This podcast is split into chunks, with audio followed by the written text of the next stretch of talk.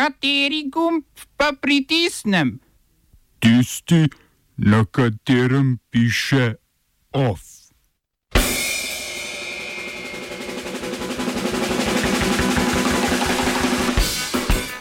V Teksasu za čas epidemije splav uvrščen med ne nujno medicinsko pomoč.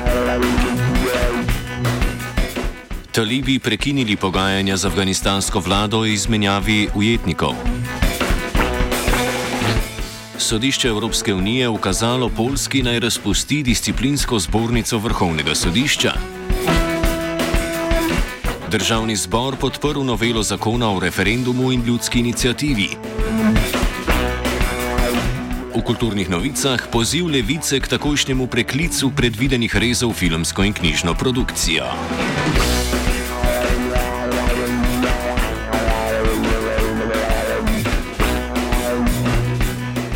Ameriška zvezdna država Teksas je izbruh novega koronavirusa izkoristila za prepoved splava.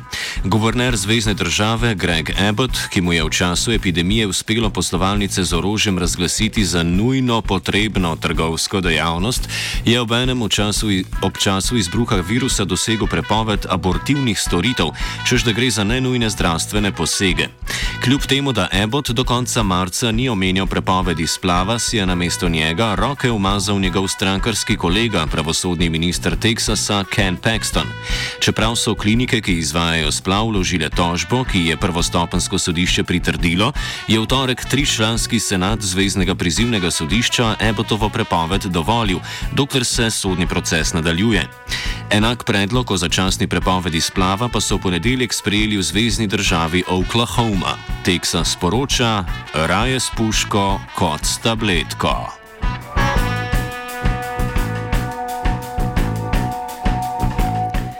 Pandemija in z njo karantena pa ni poskrbela za več časa le pri človeški vrsti. Samoizolacija je bila plodovita in uspešna za prebivalca hongkonškega živalskega vrta, pandi Ying, Ying in Le Le.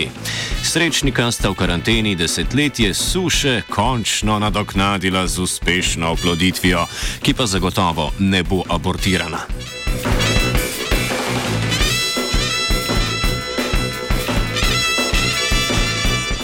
Sodišče v Ekvadorju je nekdanjemu predsedniku Rafaelu Koreji zaradi obtožb o korupciji izreklo 8-letno zaporno kazen in 25-letno prepoved političnega udejstvovanja.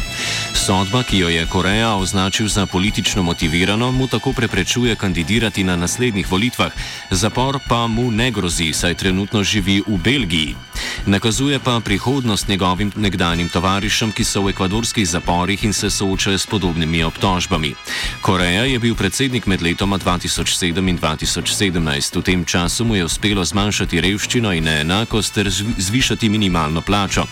Leta 2017 ga je nasledil Lenin Moreno, ki je kljub sprva socialistični podobi kmalo zamenjal svoje perje in se zatekal k neoliberalnim politikam. Koreja je zapustil državo, ko pa je Ekvador za njim izdal mednarodno tiralico, jo je Interpol zavrnil, meneč, da gre za očiten politični pregon.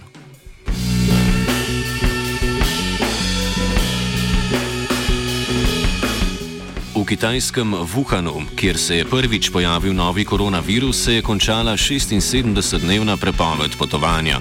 Kljub temu so tamkajšnje šole še vedno zaprte, oblasti pa prebivalce pozivajo naj ne potujejo, če to ni nujno.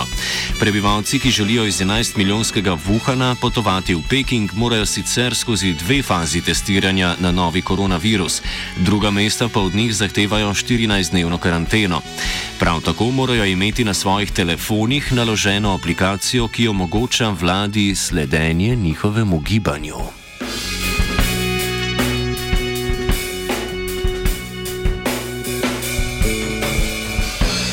V Afganistanu so talibi odpoklicali svoje predstavnike iz Kabula, kjer so potekala pogajanja z vlado o premirju. Kot razlog za prekinitev pogajanj so navedli zavlačevanje pri izmenjavi ujetnikov.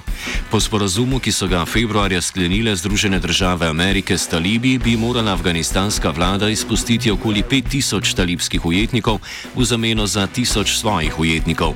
A prejšnji teden je vlada naznanila, da bo kot prvi korak izpustila le okoli 100 ujetnikov, ki so posebej bolni ali stari nad 50 let. Talibi so nasprotno zahtevali najprej izpustitev visokih poveljnikov.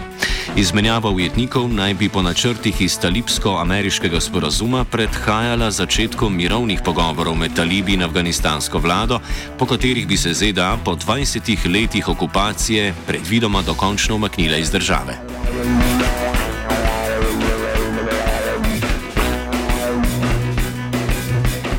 Sodišče Evropske unije je ukazalo Polski naj razpusti disciplinsko zbornico vrhovnega sodišča, saj ta po mnenju sodišča v Luksemburgu dopušča preveč možnosti političnega vpliva na sodnike.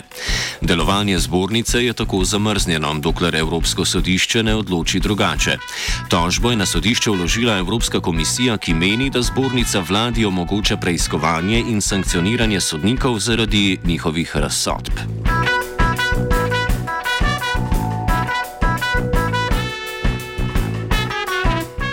Španska vlada se je odzvala na upad sezonske delovne sile v poljedelstvu, ki je posledica epidemije novega koronavirusa. Tako je dovolila, da brezposelni opravljajo sezonsko delo za plačilo, ne da bi to vplivalo na njihovo prejemanje dodatka za brezposelnost.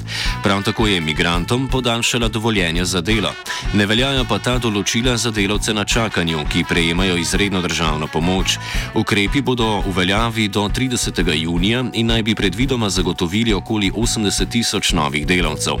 Od 16 tisoč delavcev iz Maroka, ki naj bi po dogovoru med državama prišli na sezonsko delo v Španijo, jih je zaradi epidemije prispela manj kot polovica. Španska kmetijska proizvodnja je sicer v veliki meri odvisna od afriške delovne sile, znaten del te pa dela na črno.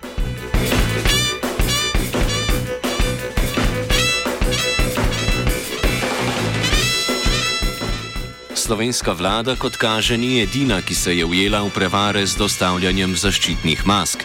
Nemška zvezdna država Severno Porenje, Vestfalija, je pri azijskem podjetju naročila 10 milijonov zaščitnih mask in za nje plačala slabih 15 milijonov evrov.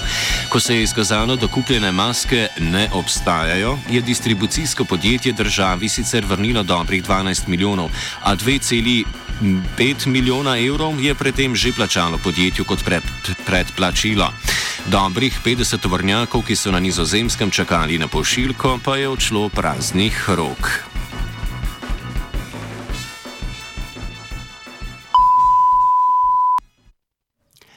Znanstvena redakcija sporoča. Po leti 2003 smo na svetu uspešno zajezili epidemijo prvega SARS-a, a ta je bil v ključnih točkah drugačen od trenutne zdravstvene grožnje. SARS-1.0 se je tako vezal predvsem na receptorje v pljučih, okuženi pa so hitro v razvoju bolezni pokazali teže znake bolezni in so bili najbolj kužni v drugem tednu bolezni, kar je otežilo širjenje virusa. Tako je bilo njegov izbruh veliko lažje ustaviti, kar pa kot vsak dan znova ugotavljamo, ni tako pri tem SARS-u. Nemška raziskovalna skupina v reviji Nature sporoča, oziroma poroča, da v krvi in v urinu virusnih delcev SARS-CoV-2 niso odkrili. V blatu je bil virusni genski material prisoten, a virusa niso uspeli gojiti v kulturah, kar pomeni, da v blatu niso bili prisotni virusni delci, ki bi bili sposobni povzročiti bolezen. Analiza brisov nosno-žrelnega prostora in žrela ter izmečka oziroma izkašljene snovi iz dihal pa je pokazala, da se virus ne deli zgolj v spodnjih delih dihalnega sistema sistema, torej globoko v pljučih kot pri prvem SARS-u, pač pa tudi v zgornji dihalni poti. Pri tem je bila koncentracija novega koronavirusa v brisih nosno-žrelnega prostora in žrela na vrhu izločanja kar tisočkrat večja v primerjavi s prvim SARS-om. SARS-CoV-2 se torej uspešno veže že na celice povrhnice žrela in se tam tudi množi. Ravno zato se uspešno širi med populacijo, v kateri okuženi še ne kažejo težjih simptomov, kot sta suhka kašelj in oteženo dihanje.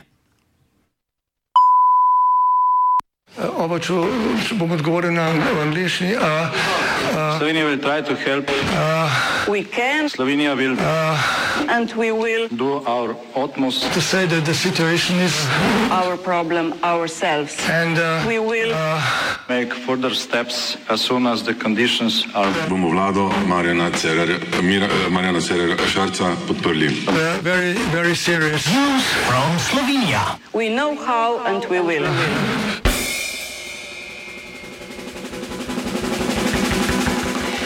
S 66 glasovi za in, en, o, e, in 8 proti. Torej, s 66 glasovi za in 8 proti so poslanci podprli predlog novele zakona o referendumu in ljudski inicijativi. S tem vlada ureja postopek ravnanja državnega zbora v tistih primerjih, ko bi bil referendum na določen zakon glede na ustavno določene razloge nedopusten. Predlog ponovem določa, da lahko državni zbor vnaprej sprejme sklep, da določen zakon ne more iti na referendum, še preden bi bila pobuda za slednjega sploh uložena. Vlada želi s tem postopkom pospešiti sprejemanje novih protikoronskih zakonov. Za novelo so glasovali poslanci koalicijskih strank, zdraven pa so svoje glasove primaknili tudi poslanci opozicijske SD in SNS. Proti noveli zakona je bila le levica, saj se v poslanski skupini vzpostavljajo dvomi o dobrohotnosti sprejetih ukrepov. V LMŠ-ju pa so se glasovanja vzdržali.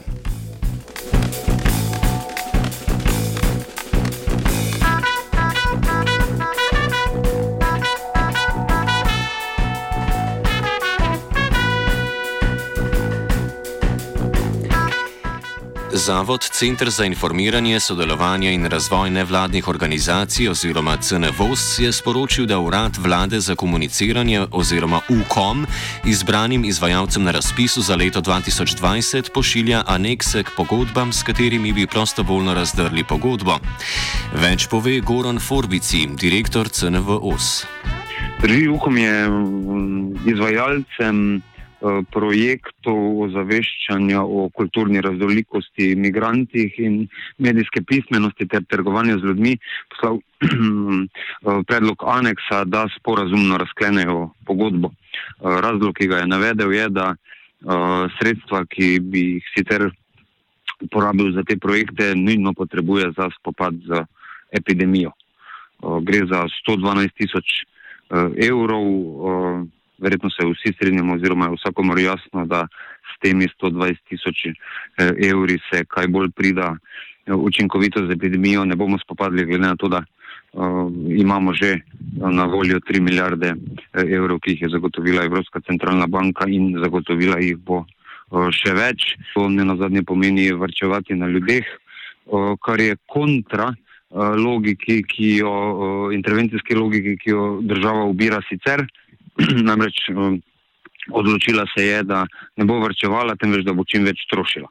Glede na to, na to če rečem, neko uh, uh, um, uh, paradoksnost, to, da je uh, ukrep, ki ga predlaga UKOM nasprotjo siceršno uh, uh, um, polit, uh, politiko vlade, si je relativno evidentno, da tukaj ne gre za to, da bi ta sredstva, ki jih hočejo odzeti, resnično potrebovali zaradi spopada za epidemijo, pač pa jih veliko bolj verjetno uh, moti vsebina teh projektov, uh, gre uh, pač za um, projekte, ki na eni strani uh, um, um, se ukvarjajo z migranti, na drugi pa z bojem proti lažnim novicam in uh, ni skrivnost, da medij, na katerem je prej delal uh, sedanji direktor UKOM-a, uh, uh, uh, ni ravno si najbližji ali pa najbolj vesel uh, takšnih vsebin off sta s pomočjo zdravstvene znanstvene redakcije pripravili Vanka Magdalena in Zala.